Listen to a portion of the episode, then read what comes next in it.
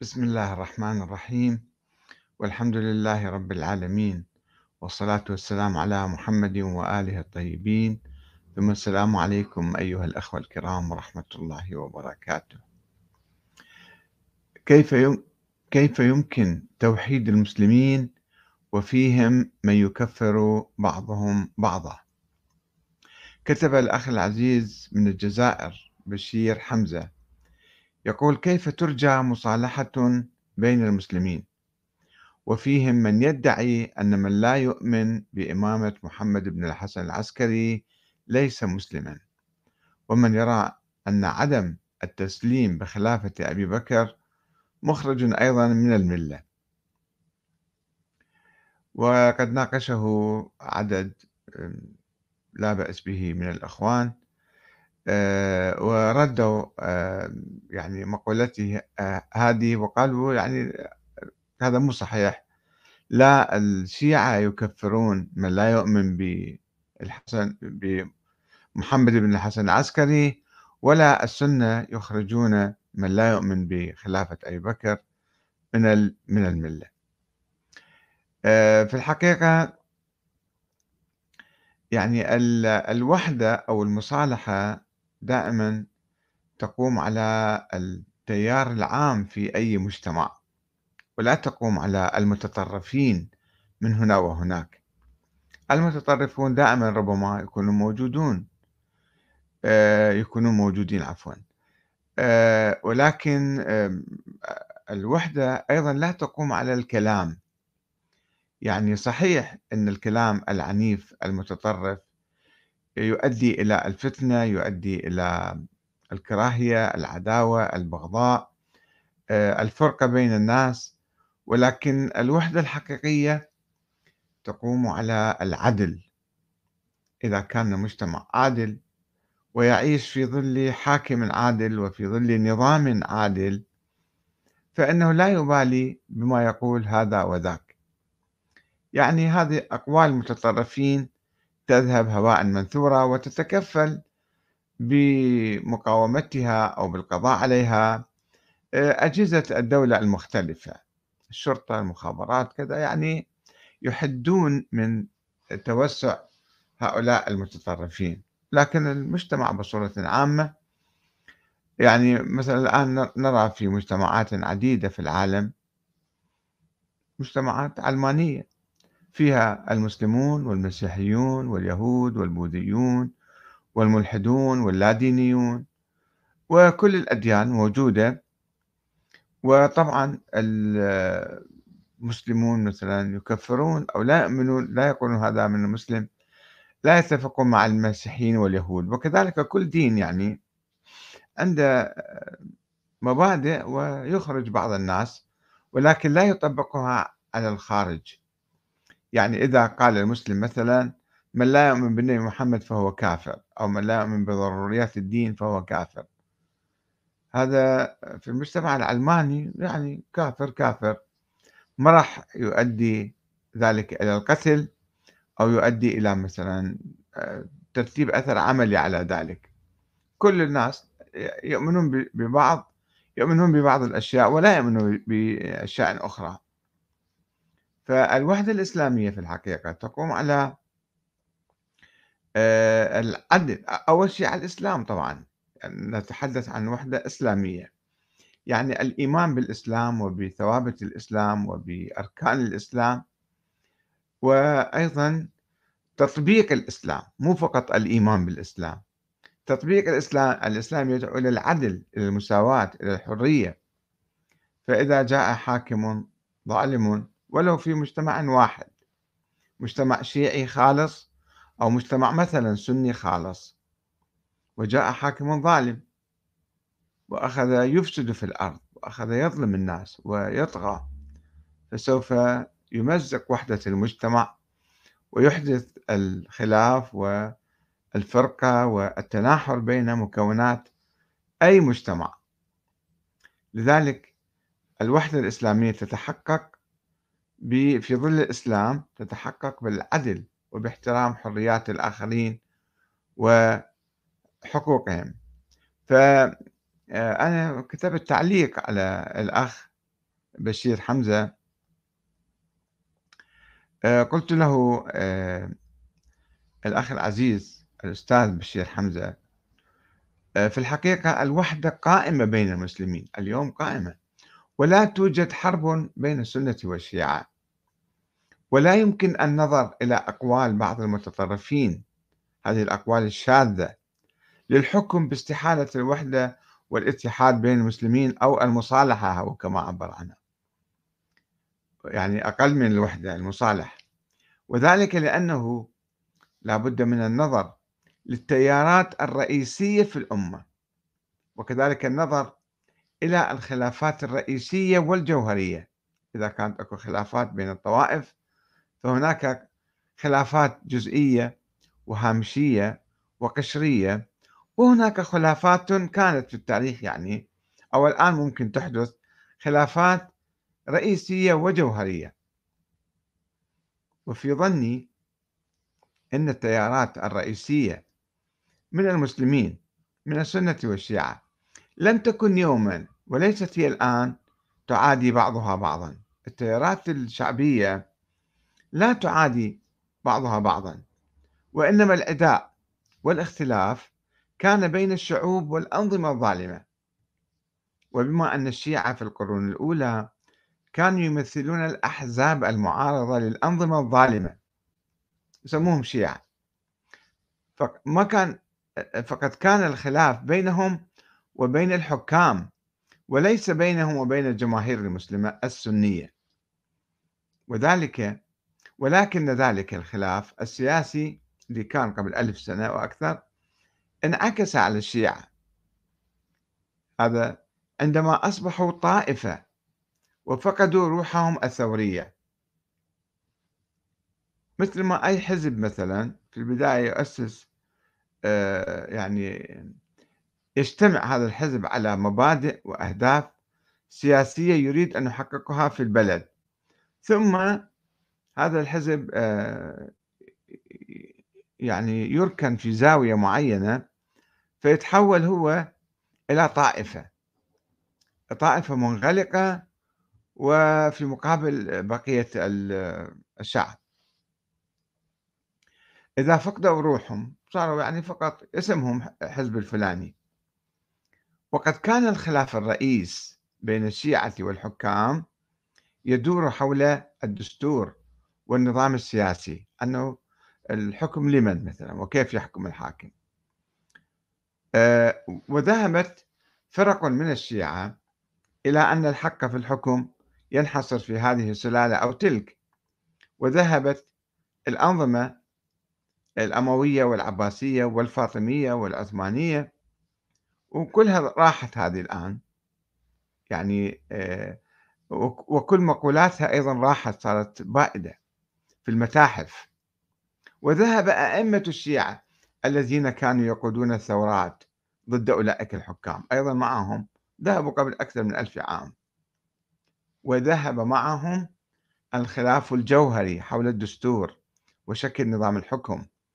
ولا سيما بعد تبني السنة والشيعة اليوم للشورى والديمقراطية والمناداة بالحرية والعدل. ولم يبقى أي خل... أي خلاف جوهري وحقيقي بين الطرفين. في خلافات فقهية بسيطة هامشية جزئية. كما توجد بين كل مذهب. في حين لا يزال الخلاف مشتعلا بين الشعوب والأنظمة العسكرية أو الملكية المطلقة. أو حتى الديمقراطية المزيفة. هناك بعض الحكام يجرون انتخابات ديمقراطية ولكنها مثلا آه، هي تعيد نفس الإنتاج نفس الكتلة العسكرية أو القائد العسكري أو آه، الحزب المعين أو تكون يعني ديكور في نظام ملكي. شو وقت ما الملك يريد يعني يلغي الديمقراطية أو يطير الحزب هذا أو يجيب حزب آخر هو بكل لعبة تكون بإيديه مسرحية تكون الديمقراطية. فلا داعي لليأس من توحيد المسلمين مثل ما الأخ بشير حمزة قال أنه شلون نحن يمكن نتصالح وهذا يكفر ذاك وذاك يكفر هذا. بعض المتطرفين من الطرفين. وبالطبع فلا داعي لليأس من توحيد المسلمين أو التراجع عن الدعوة للوحدة الإسلامية بحماس ونشاط. يعني بالحقيقة إحنا يجب أن ندعو للوحدة ونقضي على كل أسباب التوتر في المجتمعات الإسلامية. وفي نفس الوقت يعني ما نيأس أنه لا إذا شفنا بعض المتطرفين من هنا وهناك أو في التاريخ يعني آه مثلا الأخ بشير حمزة يذكر أنه بعض الشيعة أو الشيع يقول الشيعة يقولون هو عفوا.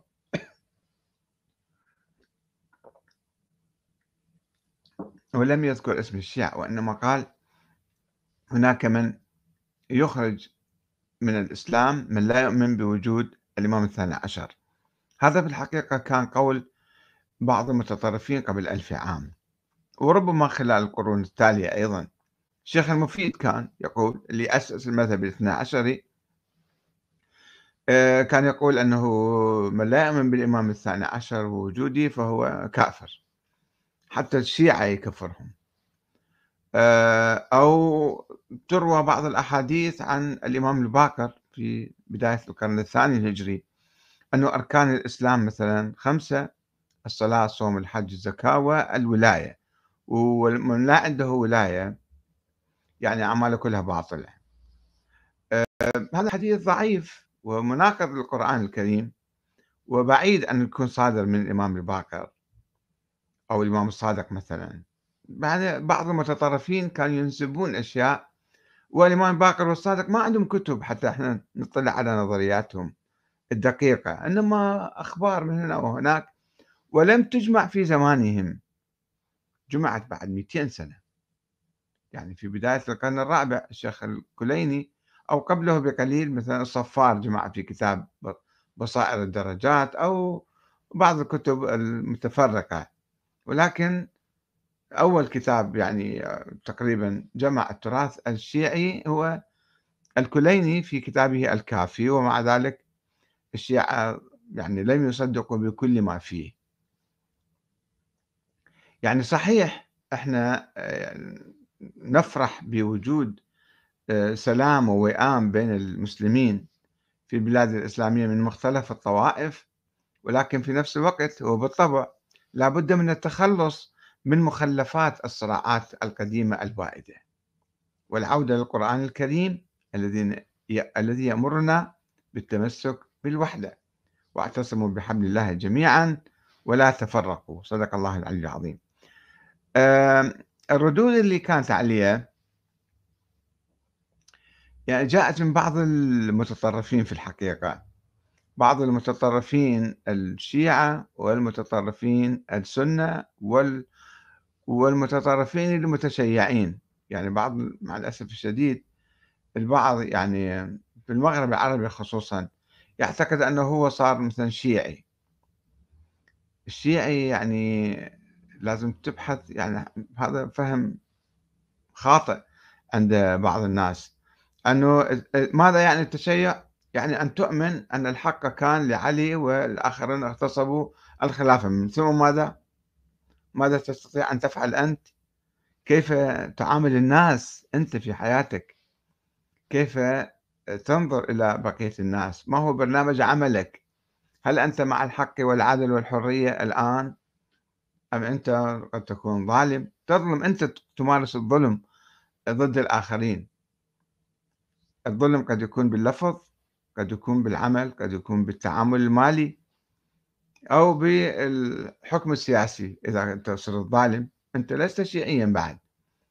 فالتشيع يعني هناك وهم التشيع عند بعض الناس. ما يعرف من التشيع إلا أنه يعتقد أنه يوالي أهل البيت ويعادي أعدائهم. ثم ماذا بعد ذلك؟ ماذا يعني هذا التشيع؟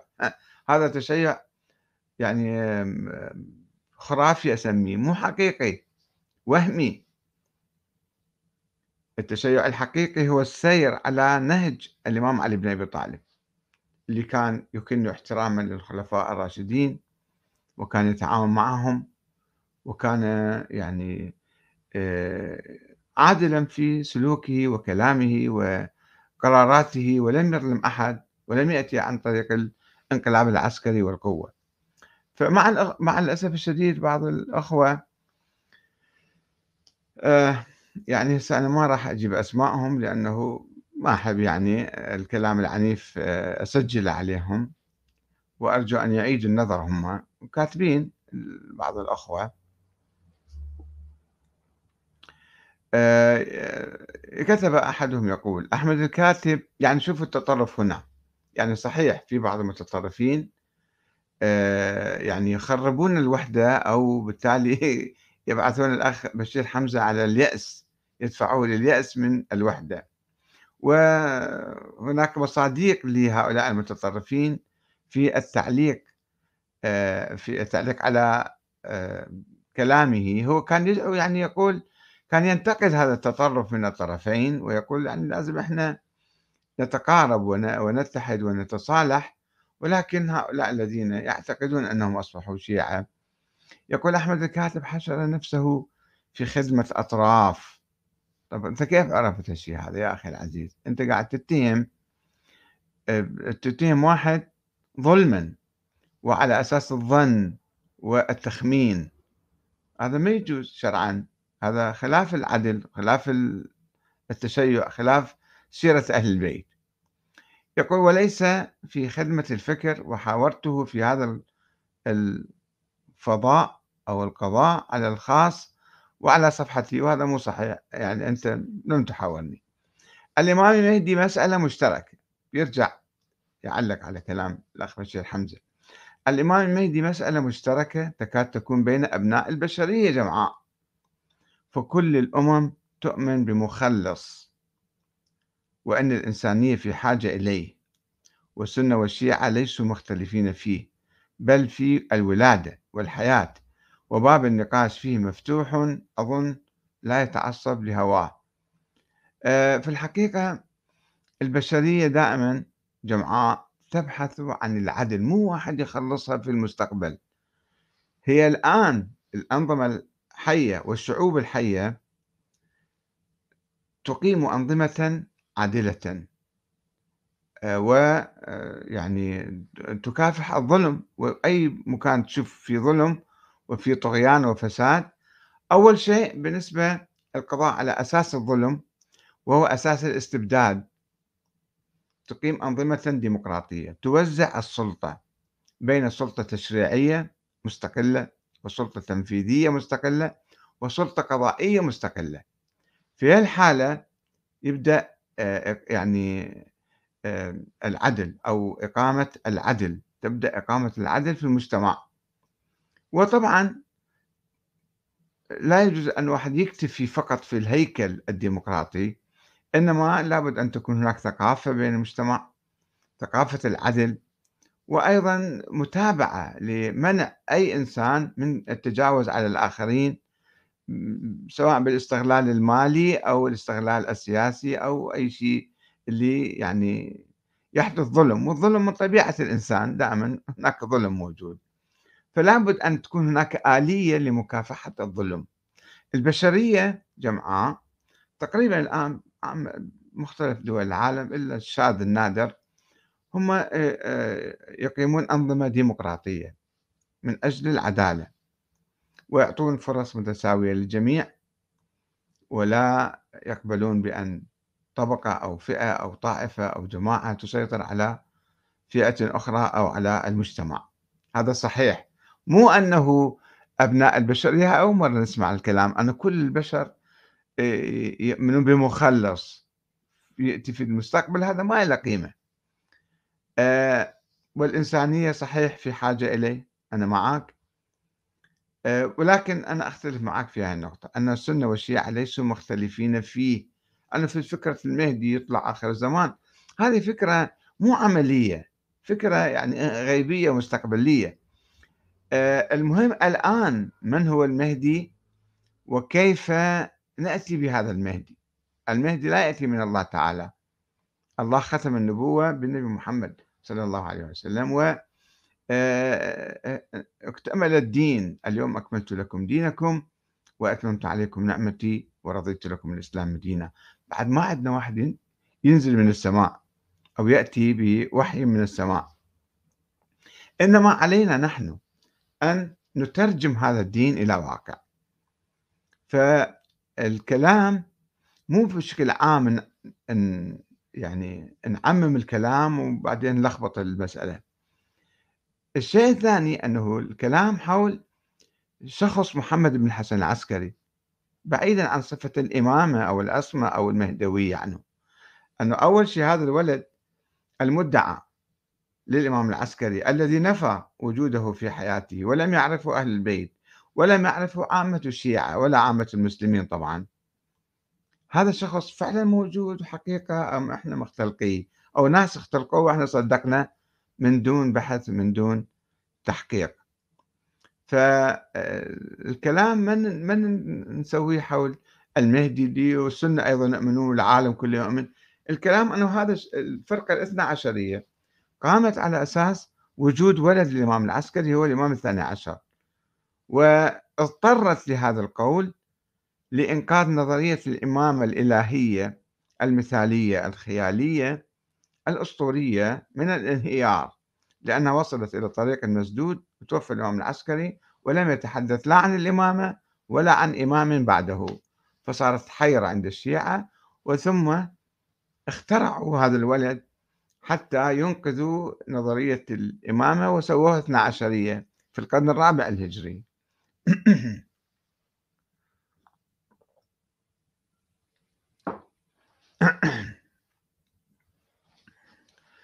يجي واحد آخر من الشيعة الأصليين يعني اللي هو مو متشيع أنه هو يبدو من اسمه يعني يخاطب الأخ بشير حمزة ويقول له يعني ليش أنت نشرت كتب آه هذا أحمد الكاتب؟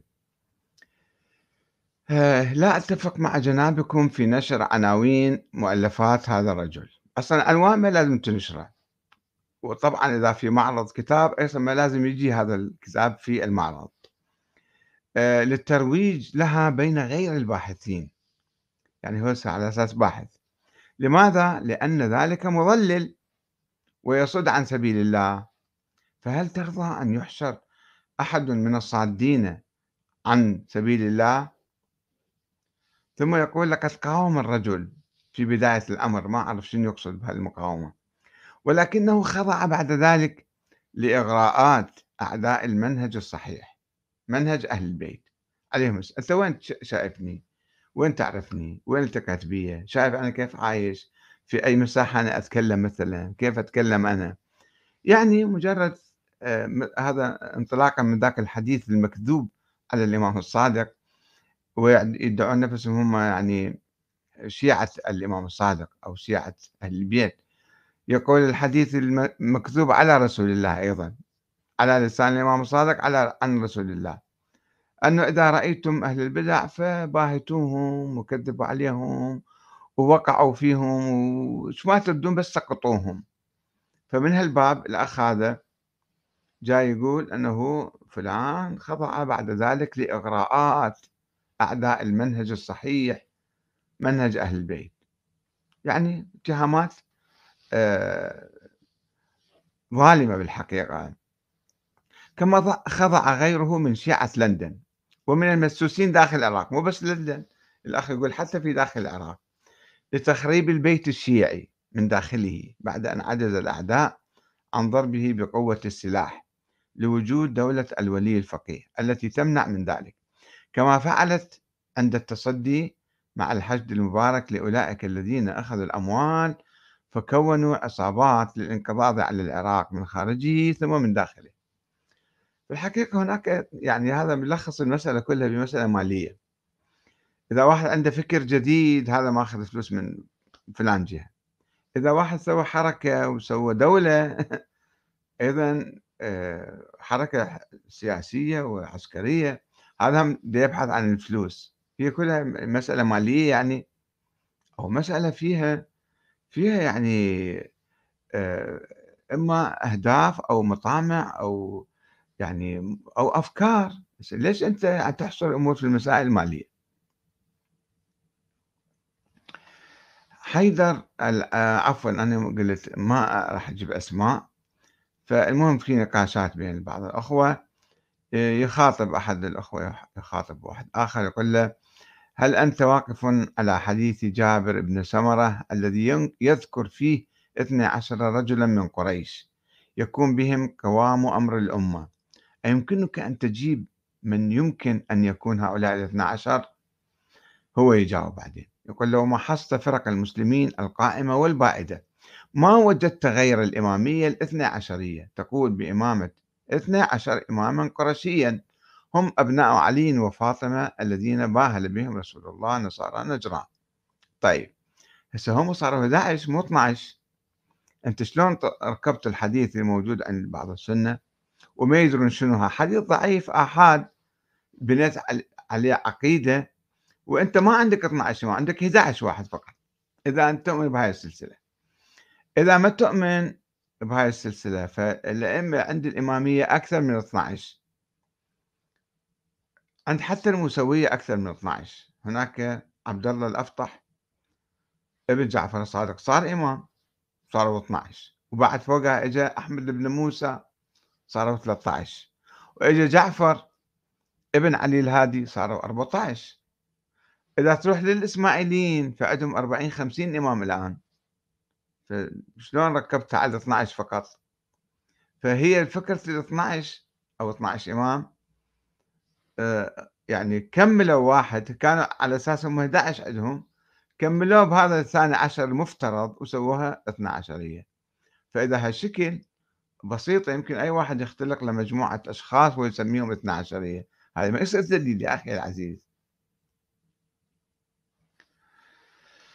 آه، في أخ يرد على الأخ بشير حمزة يقول له آه، أستاذي الفاضل أركان الإسلام عند السنة معروفة.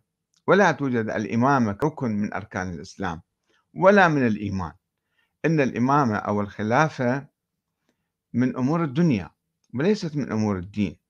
إنما عند الرافضة هي أهم ركن من أركان الإسلام. ومن, لم يؤمن بإمامة الاثنى عشر فهو كافر ولا يصح إسلامه. طبعا هذا قلنا ليس عند عامة الشيعة اليوم. في التاريخ قبل ألف سنة عندما تأسس المذهب الاثنى عشري أو الإمامي قبل ذلك آه، كان بعض المتطرفين يقول بذلك يكفر يعني واقعا في الباطن وليس في الظاهر. لا لم يكفروا في الظاهر وإنما يقولون أعماله لا تقبل يوم الآخرة يروح للنار. أما الآن الشيعة الاثنى عشرية حتى لا يقولون بذلك. وأيضا السنة هو الأخ ينفي يقول السنة ما يعتبرون الإمامة أو الإمام بأبي بكر مثلا من الإسلام من أركان الإسلام. فيجاوب الأخ بشير حمزة يقول له كأنك لم تقرأ عقائد أهل السنة في ترتيب الخلفاء الأربعة في الفضل والإمامة. فهم يرون أن ترتيبهم في الإمامة كترتيبهم في الفضل. فالإمام بعد النبي صلى الله عليه وآله وسلم. أبو بكر الصديق ثم عمر الفاروق ثم عثمان ذو النورين ثم أبو السبطين علي رضي الله عنهم أجمعين. وهذا ما يجب يقول بشير حمزة وهذا ما يجب على المسلم أن يعتقده ويؤمن به ويموت عليه. فأنت ترى أنهم جعلوا ذلك من أركان الإسلام. وإلا فما معنى ضرورة أن يموت المسلم على ذلك؟ إن لم يكن ذلك مسألة مصير وجنة ونار يا صديقي. يعني في الحقيقة ربما يوجد بعض المتطرفين من السنة من يقول ذلك ولكن عامة المسلمين الآن لا يقولون عامة السنة حتى لا يقولون إذا واحد ما آمن بأبو بكر أو ما آمن ب يعني هذا ليس من الإسلام أنه تؤمن بهالترتيب وأنه هذا هو الخليفة الأول هذه قضية تاريخية صارت. أه وأحد الأخوان أيضا يجيب هذا الأخ بشير يقول له وكيف يتفق المسلمون؟ ومن يدعي الوحدة يكذب على على أساس بشير هو يعني وحدوي يكذب على طائفة بما ليس فيها. أين وجدت من الشيعة من يقول إن من لا يؤمن بالإمام الثاني عشر ليس مسلما؟ في الحقيقة عامة الشيعة لا يقولون بذلك ولكن بعض المتطرفين وبعض التقليديين السلفيين ربما يقولون ذلك. وأمامك الآن الشيخ الأيرواني اللي مرشح للمرجعية بعد السيستاني. عنده كلام صريح وعلني والفيديو منشور في اليوتيوب وبإمكانك تروح تراجعه. يقول من آه، الشيعي الفاسق الظالم أفضل من السني العادل المتقي المجاهد المنفق في سبيل الله. لماذا؟ لأن هذا عنده ولاية وذاك ما عنده ولاية. فيعتبر مقياس النجاح في الآخرة هو آه، الإيمان بالولاية. يعني أنت تستنكر صحيح موقفك جيد ولكن في بعض المتطرفين ولكن وقلنا لا يمكن إحنا نتحدث عن الوحدة مع ملاحظة كلام المتطرفين وإلا ما يمكن نسوي أي شيء. ودائما هناك متطرفون. فيجاوب الأخ بشير حمزة يقول قرأت لمراجع جعلوا ذلك من أركان الإسلام وأنت تعرف الموقف ممن يشكك في ركن من أركان الدين دعواتي. صحيح هذا الناس منغلقين حتى لو كانوا مراجع أو شيوخ مثلا كبار أو قدماء أو معاصرين. هذا لا يعني أن عامة الشيعة يكفرون إخوانهم. هذا لابد الأخ بشير حمزة يعرف ذلك أيضا. ربما هو عايش في مجتمع سني مثلا في المغرب لا يدرك كيف يتعايش الشيعة مع أخوانهم في البلاد العربية الأخرى في المشرق والإسلامية.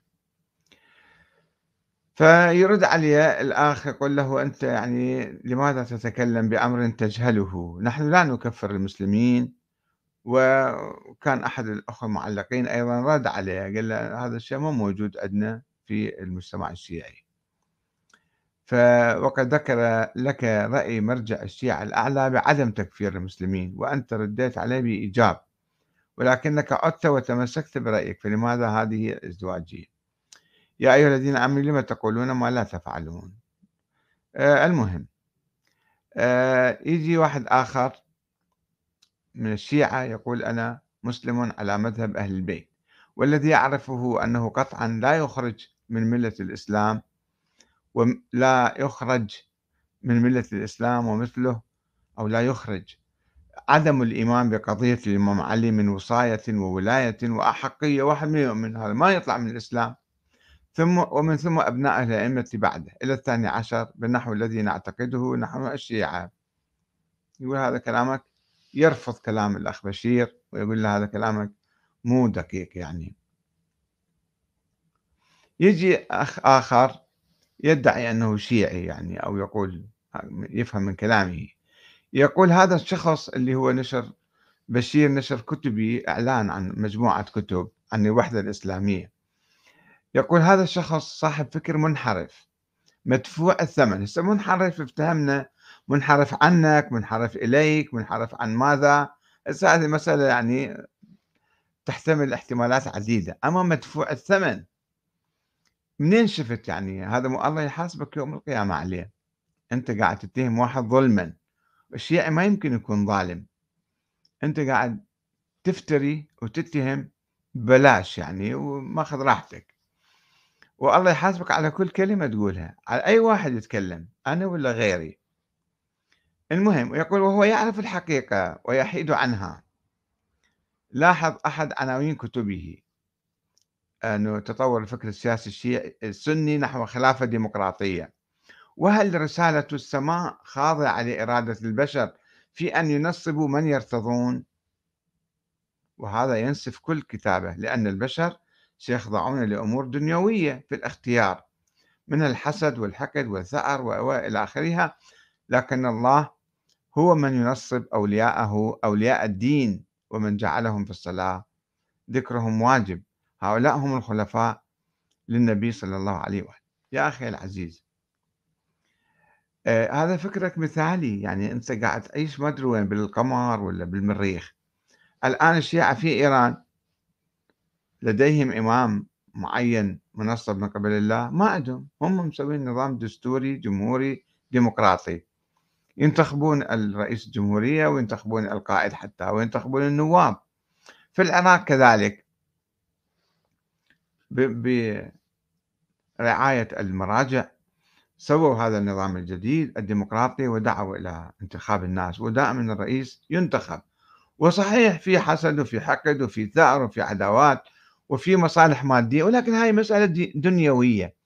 الرئاسة والحكم من مسائل الدنيا وليست من مسائل الدين. لذلك الله سبحانه وتعالى لم يتحدث عنها لا في القرآن ولا النبي يتحدث عنها عن كيفية انتخاب الحاكم الدستور. وإجوا ناس الإمامية بعد مئة سنة افترضوا أنه النبي قد عين الإمام علي. ولذلك اتخذوا موقف سلبي من الشورى. الشورى باطلة وما يجوز واحد ينتخب آه، الناس ينتخبون فد واحد. طيب الآن إحنا الشيعة ننتخب. رجعنا للشورى. فكيف نسمي أنفسنا شيعة مثلا؟ ونحن نمارس الشورى بكل يوم. يجي واحد آخر من هالطرف يقول فرق بين الإيمان بشخص خيالي لا وجود له وبين خلافة رجل اجتمع المسلمون الأوائل ومنهم أهل بيت النبوة على فضله على أبي بكر يعني يقصد يعني فد واحد مفترض خيالي ما له أي وجود وتقول له لو تؤمن به لو أنت تصير مثلا كافر أو إيمانك باطل وبين واحد من المسلمين كلهم اجتمعوا عليه وبايعوه. ثم ماذا يعني؟ شنو المشكلة يعني في ذلك؟ آه، آه، أحد الأخوان يبدو يائس جدا يقول من يؤمن بأن المسلمين سوف يتوحدون مثله كمثل الذي يؤمن أنه سوف تكون الشمس سكنا له. هذا يعني جدا آه، واحد محبط. يجي واحد آخر يقول أحمد الكاتب خطر على الإسلام كله بمذاهبه مو بس على الشيعة. هسه على الشيعة افترض الشيعة الاثنى عشرية أو فرقة أخرى مثلا ممكن واحد يعني يقبل الكلام. أما على الإسلام كل شلون؟ ونحن ندعو إلى الإسلام وندعو إلى الوحدة الإسلامية وتحرير المسلمين. وأعتقد أن في جيبه بعض الرز السعودي. يعني أنت صار عميل. هكذا يريد أن يوحي. فيجيبه الأخ بشير حمزة يقول له قد يكون فيه ضعف ولكن حديثه تاريخي وعقلاني فليش قاعد تتهمه بالباطل؟ يجي واحد آخر أيضا ممن يدعي أنه أصبح شيعيا يعني على أساس متشيع يقول أحمد الكاتب شخص مشبوه ويخدم أجندات خليجية معروفة. شلون مثلا؟ يعني دائما أنتقد الحكم الملكي المطلق أنتقد الحكم الحكام الخونة المتصهينين وأنا أخدم أجندات خليجية. ولا يمكن الوثوق في تحليلاته الملغمة. فأنت لا تثق أنا أتكلم وأكتب وأي واحد يقرأ كتاباتي ويسمعني يمكن هو يقدر. فمو بحاجة إلى تحليلك وتعليقك.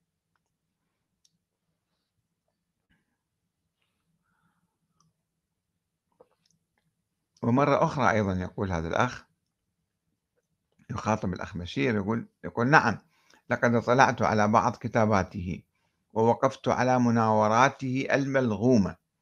يعني إذا في شيء ما عجبك أو اختلفت معاه يعني مثل ما تريد أنت واحد يحترم رأيك أنت احترم آراء الآخرين قول أنا هذا كلامك خطأ ما أؤمن به لك الحق في ذلك.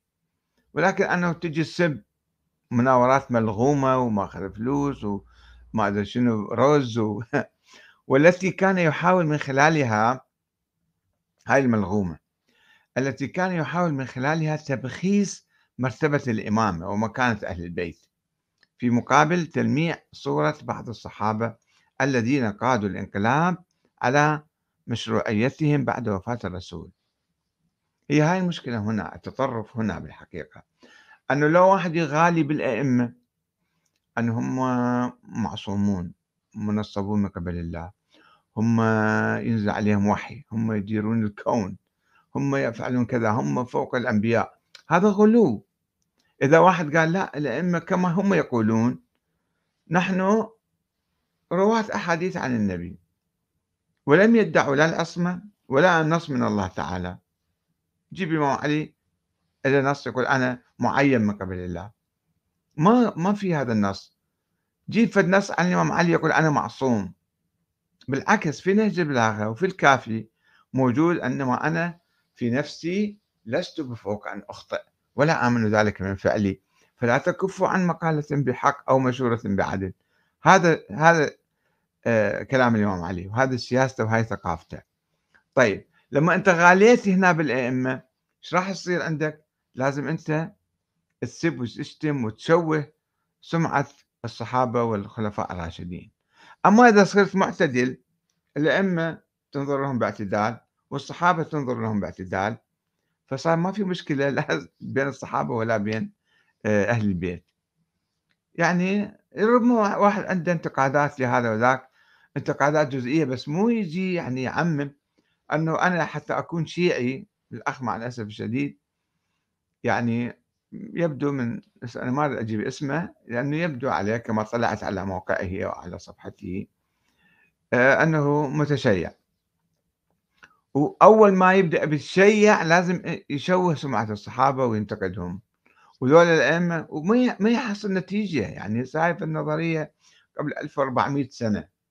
حدث صار قبل 1400 سنة في تاريخ المسلمين لازم إحنا نجي نحييه الآن ونخوض معارك من أجله وهذا يسموه تشيع هذا مو تشيع أخي العزيز.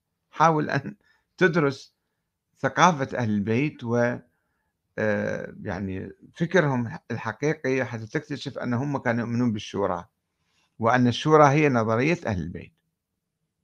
فيجي ما يقبل كلام هذا الأخ آه، بشير فيقول له أنت أيضا أصبحت محل شبهة لأنك نشرت لأحمد الكاتب. وأشك في حسن نواياك. إيش دعوة ليش؟ واحد عبر عن رأيه. وأشك في حسن نواياك بنشرك لهذا أحمد الكاتب. لذلك فإنني سأنسحب من صفحتك لأترك مكانك شخص لا شبهة عليه. يعني انغلاق ما مستعد يسمع رأي آخر ما مستعد يشوف فكر ثاني.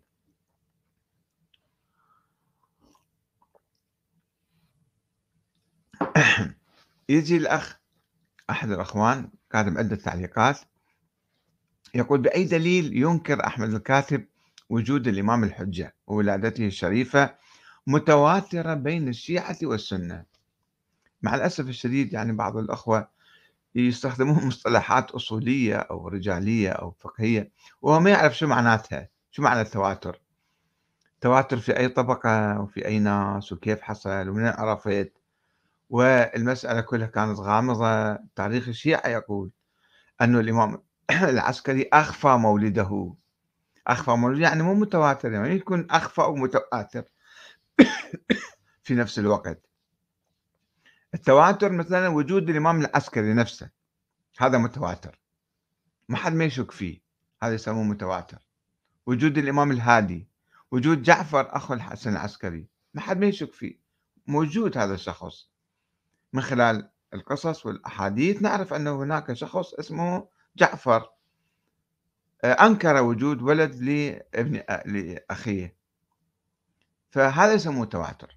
أما أن واحد مخفي ما حد ما شايفه ما حد ما يعرفه أبوه مستر عليه أخفاه تقية وتقول لي متواتر فهذا مو متواتر لا عند الشيعة ولا عند السنة.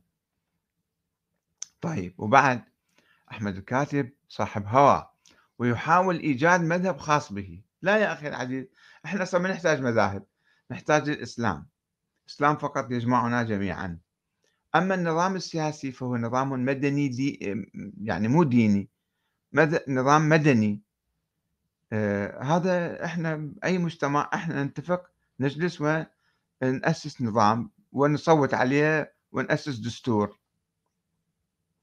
ولا يستطيع أحد إنكار ولادة الإمام المهدي إلا جاحد معاند. لا نصيب له من العلم والأمانة. هو يخاطب كأنه مجموعة سنة يعني. وهو ما قاري شوية عن موضوع الأخ اللي كاتب الكلام قاري تاريخ الأئمة تاريخ الإمام العسكري تاريخ الغيبة الصغرى الكبرى حتى يعرف أنه هذا شلون شلون أنت صار عندك يقين. ويقول ولادة الإمام ثابتة بعشرات الأدلة من مصادر الفريقين. هذه إطلاق شعارات دائما يطلقوها حتى يثبتون شيء ما موجود بالنتيجة. لو جبت مليون دليل مو عشرات يا أخي العزيز. لو جبت مليون دليل على ولادة فلان ابن فلان هذا ما يمكن إحنا نؤمن به لأنه غائب ما موجود. ما موجود وبالتالي ما يؤدي دور الإمامة. لذلك إحنا الآن جبنا نظرية نقيضة لنظرية الإمامة اللي التزمنا فيها الشيعة الآن عامة الشيعة يؤمنون بنظرية الشورى والديمقراطية. لا يؤمنون أن رئيس الجمهورية أو رئيس الوزراء لازم الله يعينه. هذا كلام مثالي مثالي خيالي أسطوري ما له حقيقة ما له واقع. يقول هناك واحد أخ آخر يقول هناك, هناك وحدة. وهناك حق. ولا يمكن التنازل عن الحق من أجل الوحدة. لو طلب المسلمون الحق وهداهم الله سبحانه إليه لكانت الوحدة على الحق وليست الوحدة على الوحدة مجردة. قال تعالى وأن هذا صراطي مستقيما فاتبعوه ولا تتبعوا السبل فتفرق بكم عن سبيله ذلكم وصاكم به لعلكم تهتدون. يا أخي العزيز أكو قضايا بالتاريخ فيها جدل فيها نقاش الحق مع هذا مع ذاك. ما يهمنا إحنا نبني مجتمعنا وحياتنا وسلوكنا وتعاملنا الآن على قضايا تاريخية. علي علينا أن نؤسس حياتنا على الحق الموجود الآن العدل. يعني أنا كيف أتعامل معك أنت كيف تتعامل معايا؟ كيف نتعامل مع بقية الناس؟ هل نسمح بالظلم بسيطرة فئة على فئة أو استبداد حزب معين أو استبداد طبقة أو عائلة معينة؟ هذا اللي إحنا نرفضه. الوحدة نقيمها على أساس العدل. العدل الآن أما ماذا حدث في التاريخ؟ بس يعني نظل نتجادل إلى يوم القيامة. أن الحق كان مع فلان أو كان مع فلان ثم ماذا بعد؟ وين نوصل؟ لا أنت راح تقنعني ولا أنا راح أقنعك مثلا. ونظل نتقاتل يعني يجب أن نتقاتل أم يجب أن نتفق على الأمور الواقعية وليست الأمور التاريخية الوهمية والخرافية والمتطرفة والمختلقة أيضا كثير من العداوات والكذا أشياء مختلقة. فعلينا أن نؤسس حياتنا ونظامنا ونقيم الوحدة على أساس الحرية والعدل الديمقراطية. والسلام عليكم ورحمة الله وبركاته.